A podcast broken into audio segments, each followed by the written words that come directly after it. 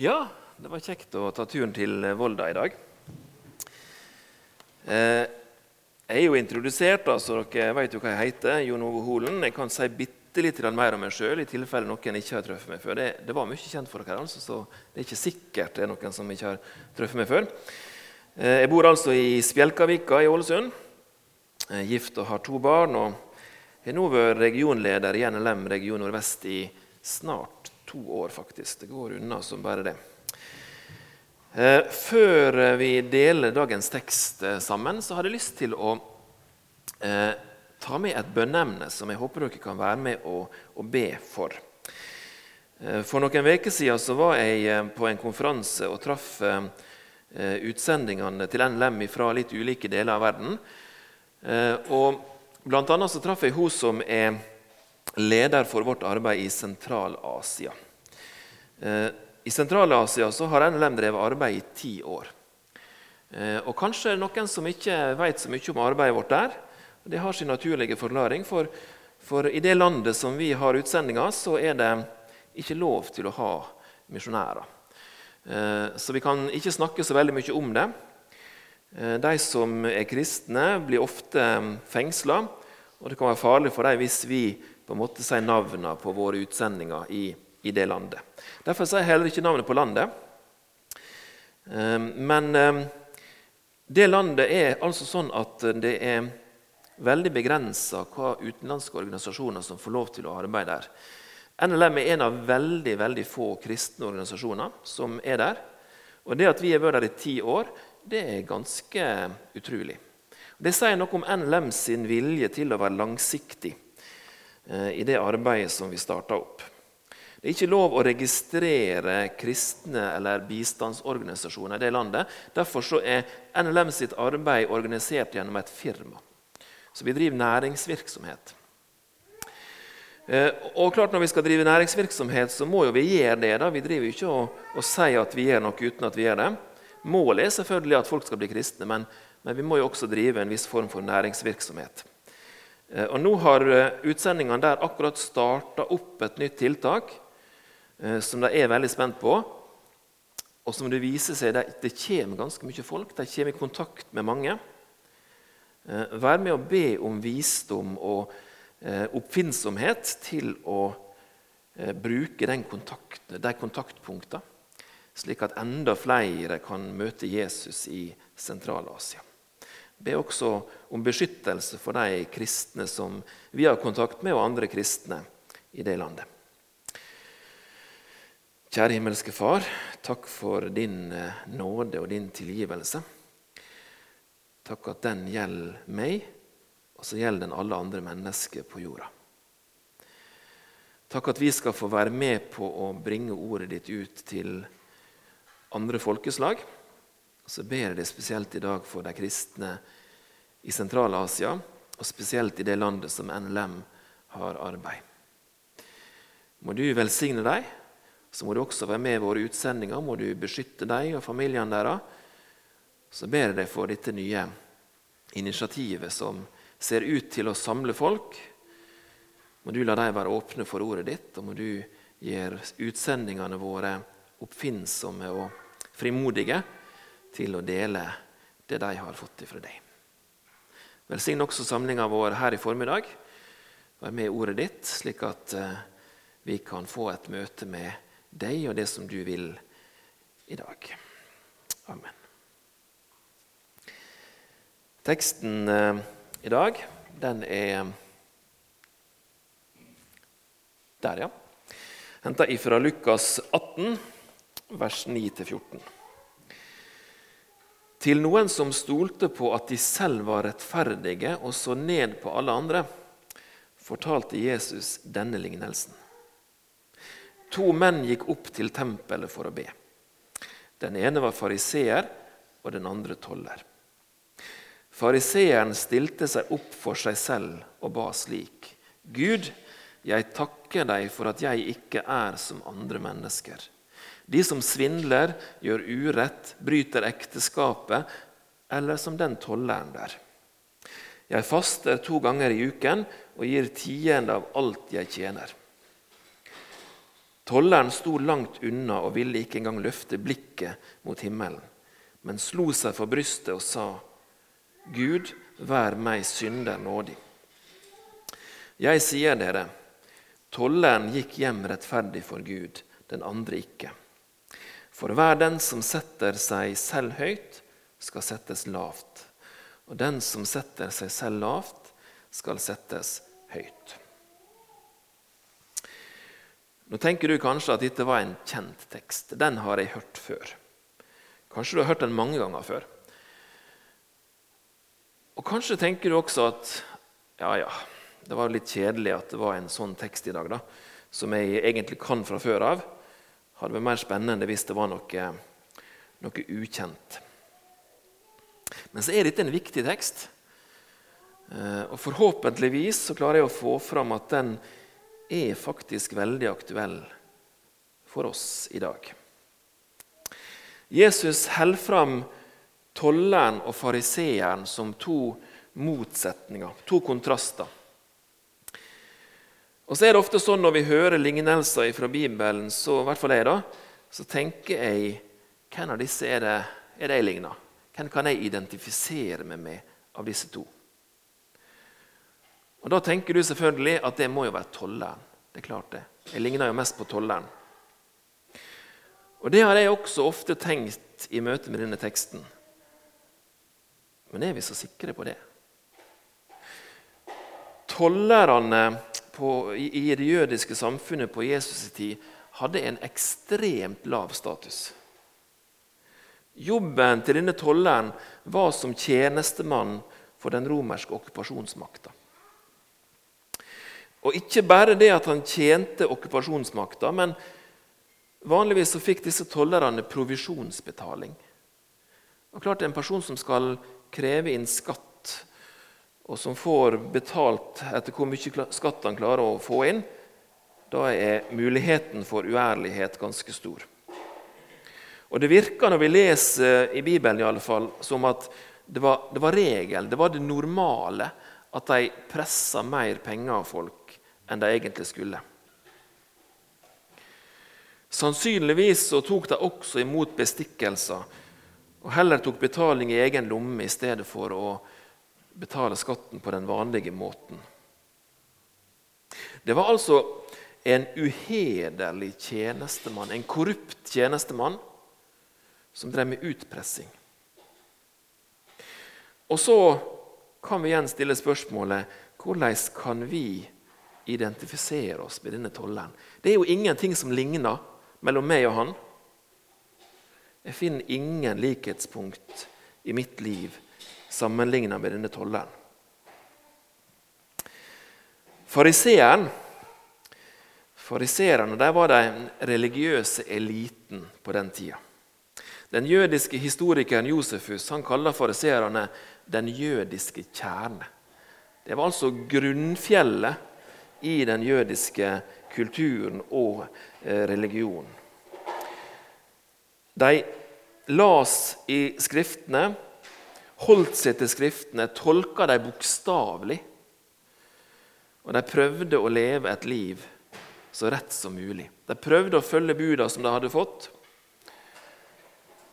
Læra til fariserene var tydelig på at det ytre ikke var nok men at det også måtte være ei innstilling, den rette innstillinga i hjertet til å leve nær Gud og gjøre Hans vilje.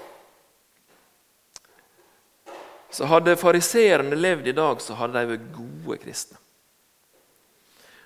Og de drev til og med med misjon blant hedninger. For min del så er ikke jeg i tvil om hvilken av disse to personene jeg ligner mest på. Jeg mener jo det at vår konservative tilnærming til Bibelen er den riktige og korrekte. Og Selv om vi vet at det ikke er det ytre som skal frelse oss, så prøver vi jo å leve et godt liv. Vi prøver jo å gjøre vårt beste.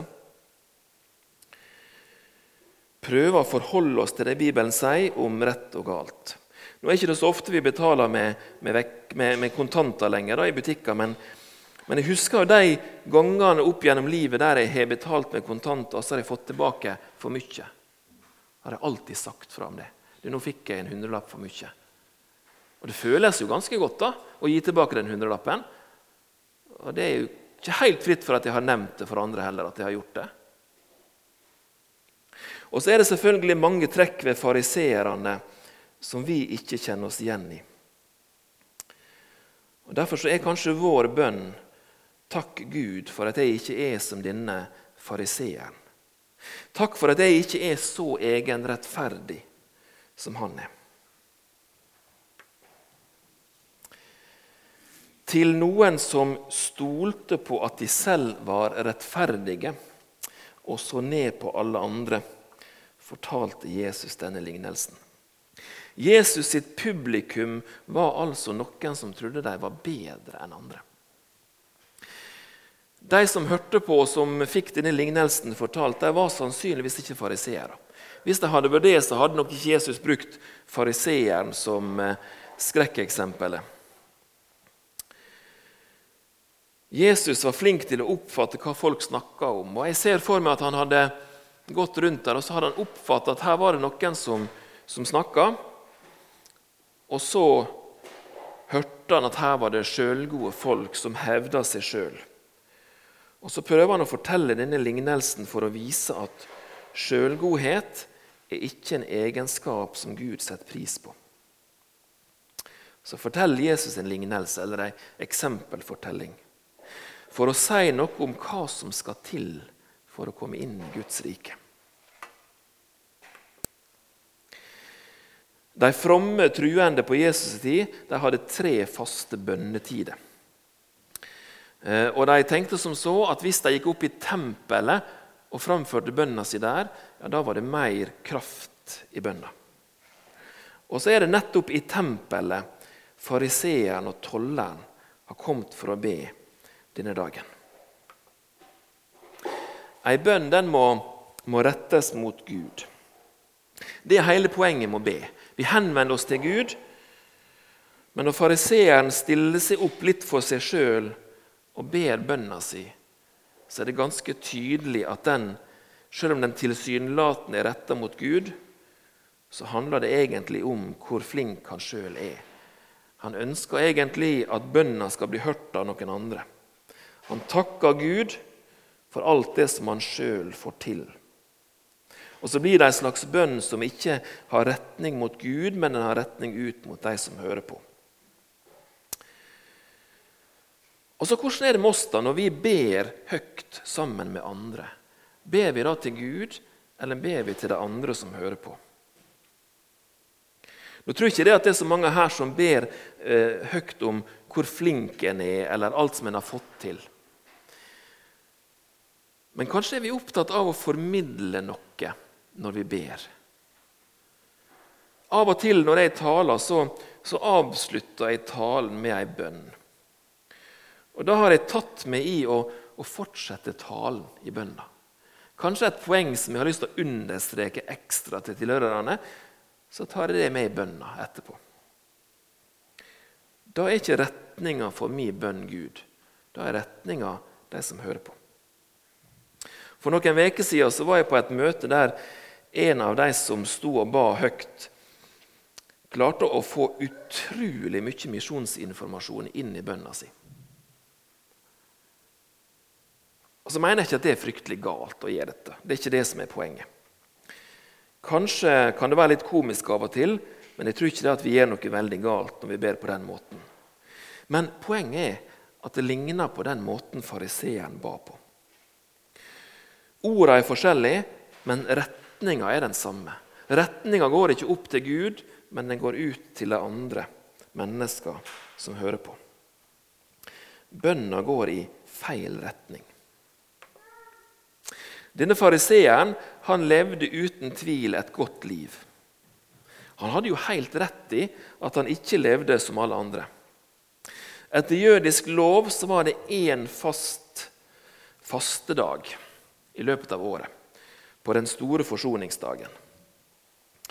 Men noen fasta også to dager i veka.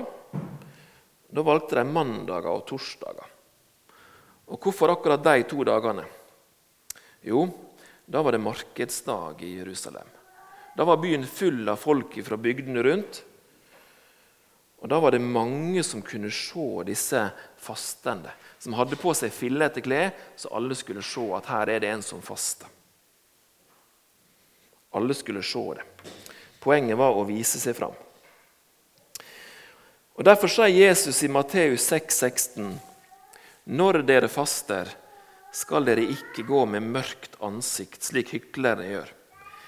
De gjør ansiktet sitt ukjennelig for å vise folk at de faster. Sannelig sier jeg dere, de har alt fått sin lønn. Denne fariseeren var blant de som fasta to dager i veka når det var markedsdag, for å vise seg fram. Og så ga han tiende av alt som han tjente. Han ga altså mer enn det lova krevde. Lova sa at de skulle gi tiende av avlingen sin, mens denne fariseeren ga tiende av alt som han tjente. Han ofra altså mye til de fattige og til misjonen. Og Så sier Jesus i Matteus 23, 23, Ved dere skriftlærde og fariseere, dere hyklere, som gir tiende av mynte og anis og karve, men lar ugjort det som veier tyngre i loven. Rettferd, barmhjertighet og troskap. Dette skulle gjøres, og det andre ikke forsømmes. Det er altså egentlig ikke noe galt med det at denne fariseeren fasta. Det er egentlig ikke noe galt med at han gir tiende. Tvert imot. Det er gode ting å gjøre. Problemet er altså ikke gjerningene til denne fariseeren. Jesus oppfordrer tvert imot til gode gjerninger. Problemet er at gjerningene ikke er nok, og at han mangler det eneste som egentlig betyr noe. Bønn er å henvende seg til Gud. Bønn er et møte med Gud.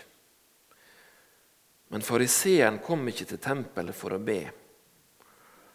Han kom til tempelet for å fortelle Gud hvor mye godt han gjorde. Han sammenligna seg sjøl med andre mennesker, og så så han at han var bedre enn dem. Han var faktisk det. Han var bedre enn dem. Alt han ba om, var sant. Han var et godt menneske. Og nettopp en slik sammenligning med andre er ganske vanlig i dag. Mange tenker som så at det er jo i hvert fall ikke noe dårligere menneske enn han naboen min. Jeg er jo bedre enn mange andre mennesker, og da må vel Gud være fornøyd. Jeg lever i hvert fall like bra som de som går i kirka, som de som går i bedehuset. Da må vel Gud godkjenne det. Og Så er problemet med den måten å tenke på at en gjør som fariseeren i bønna. En sammenligner livet sitt med andre mennesker sitt liv. Og Det er den store forskjellen på fariseeren og tolleren. Tolleren sammenligner ikke livet sitt med andre mennesker, han sammenligner livet sitt med Gud. Og Da har han ingenting å stille opp med. Det eneste han kan gjøre, er å be om nåde. Sann bønn det er å stille livet sitt, ikke ved siden av andre mennesker, men å stille livet sitt ved siden av Gud. Et eh, veldig haltende bilde. Eh, I hagen vår så har vi, eller Rundt hagen vår så har vi et hvitt, fint gjerde. Iallfall så ser det ganske fint ut. Særlig når jeg eh, ser på det på en regnværsdag, så ser det veldig veldig fint ut. Hvitt og fint. Men jeg vet det at nå når den første snøen snart kommer, og det blir veldig veldig ren snø rundt det gjerdet på alle kanter, da kommer jeg til å se at det ikke er så hvitt, egentlig. Nei, det er ganske grått og skittent. Jeg har ikke vaska det på kjempelenge. Det er asfaltstøv, og det er grus og alt mulig på det. Men sånn til daglig så viser ikke det. Men med en gang snøen kommer, da ser du hvor stygt det egentlig er. Bønna til fariseeren svarer på spørsmålet er jeg like god som andre mennesker. Og det var han. Han var bedre. Problemet er at det er feil spørsmål. Spørsmålet må være er jeg like god som Gud? Tollerens bønn var et svar på det spørsmålet. På samme måte som gjerdet kan se fint ut når du ser det i forhold til en svart asfalt og en hvit plen. Men når du får den helt rene snøen rundt, da ser du. Så det er alt dette hva en sammenligner med. Og Når vi sammenligner livet vårt med Gud, ja, da er det eneste alternativet å be om nåde og tilgivelse. Denne utilstrekkeligheten som vi har sammenligna med Guds krav, den blir av og til brukt av noen kristne til å trykke seg sjøl ned. Noen kan bli så opptatt med at de ikke er gode nok, at det blir sjølutslettende. De ser seg sjøl som verdiløse, rett og slett. Bare i nåden har de verdi. Men Jesus avslutta med å si Men den som setter seg selv lavt, skal settes høyt. Det er altså ikke sånn at det er en normalsituasjon for en kristen å gå, gå og være nedtrykt, gå og bøye hodet. Det er ikke normalsituasjonen å være sånn som denne tolleren var. Tvert imot. Når en møter Gud med sin utilstrekkelighet, så løfter Gud opp. Så vet ikke vi så mye om denne tolleren. Vi vet ikke om han var klar over det når han gikk hjem igjen, at han var oppløfta, at han var regna som rettferdig. Men hvis han var klar over det, ja, så gikk han også oppløfta hjem. Et møte med Gud til frelse og nytt liv skal gjøre deg oppløfta. Det skal ikke fortsette å gjøre deg nedtrykt. Det er nemlig ikke lenger noen grunn til å være nedtrykt. Så er vi altså ikke nødvendigvis lik verken tolleren eller fariseeren. Ganske naturlig, siden det er ytterpunkt som Jesus bruker for å demonstrere et poeng. Vi skal gjerne leve et godt liv. Vi skal gjerne overholde bud og regler. Vi skal gjerne be. Vi skal gjerne faste. Vi skal gjerne gi til de fattige og gi til misjonen. Men hvis det er gjerningene vi stoler på, da blir vi som fariseeren fordømt. Men så trenger vi heller ikke å bli som denne tolleren. Vi må bare gjøre som han. Sette livet vårt ved siden av Gud og på den måten oppdage at vi ikke holder mål. Det er det som Jesus har gjort for meg, som heller. Og det holder i massevis. Derfor kan jeg gå oppløfta hjem. Og jeg trenger ikke å gå ned igjen til den samme følelsen neste gang jeg skal møte Gud, for Gud har løfta meg opp. Han har satt meg høyt. Og så blir det som Brorson skriver, Gud for alle riker dømmer selv og sier, denne, han er fri.